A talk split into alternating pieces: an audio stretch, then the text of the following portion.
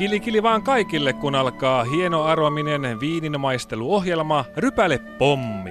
Tänään viininmaisteluohjelma Rypäle Pommi tarjoaa monia hedelmäisiä, iloisesti pirskahtelevia ja jälkimaultaan pähkinäisiä aiheita.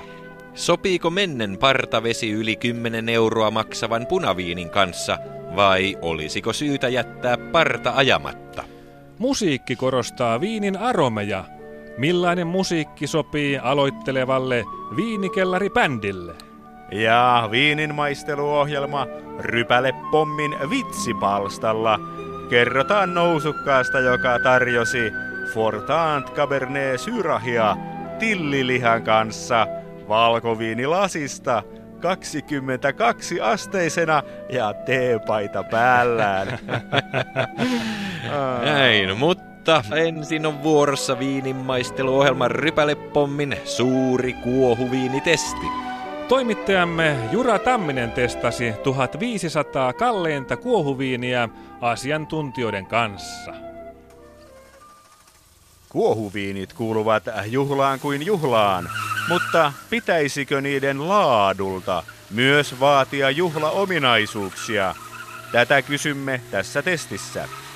Asiantuntijoina meillä on kaksi kuohuviinien suurkuluttajaa, kilpa-autoilijat Markus Grönholm ja Kimi Räikkönen. Tervetuloa! Satöö lasissa, satöö tai paistoi. Halki poikkia Pinot Noir. Ensimmäinen testikuohuviinimme on kotimainen laatutuote Elyché numero yksi. Puolikuiva, keskitäyteläinen, pehmeän hapokas. Millaisia tuntemuksia Elysee herätti? No mun, mun mielestä se purskusi pullosta silleen mukavasti. Aivan. Joo, sitä ei tarvinnut kauaa hölskytellä, kun korkkio poksahti ja vaahto lensi ainakin neljän metrin päähän. Aa, Joo, juuri niin. kun sä suihkutit sitä mun naamaani, niin se tuntui aluksi tosi hyvältä. Aivan. Mutta sitten se jälkituntuma, niin se oli aivan liian tahmea. Äh, Seuraava testikuohuviini on äh, unkarilainen klassikko Törleu Talisman. Minkäslainen maku törleystä jäi? Törleyn ongelma on se, että se ei meinaa ruiskuta pullosta oikein kunnolla. Pitää Ai, paikkansa.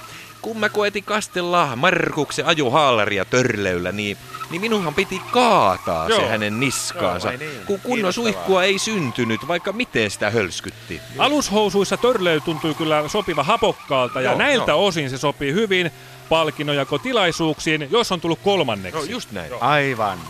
Kolmas testikuohuviini tulee Ranskasta. Dom Perignon on sampanjoiden kunkku, eikä mikään halpa punkku.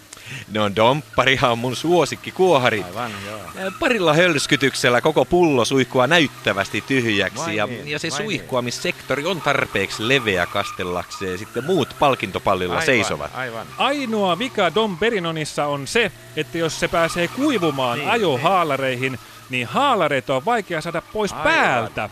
Mutta arvostan kyllä Dom Perinonin pähkinäisen hienostunutta tukan takkuunnuttamisvaikutusta. Joo, se on hyvä. Näin 1500 kuohuviinipullon suihkuttamisen jälkeen voittajaksi selviytyi Elyché 1, joka sopii spruuttailtavaksi niin ruokapöydässä kuin hienoilla illallisilla.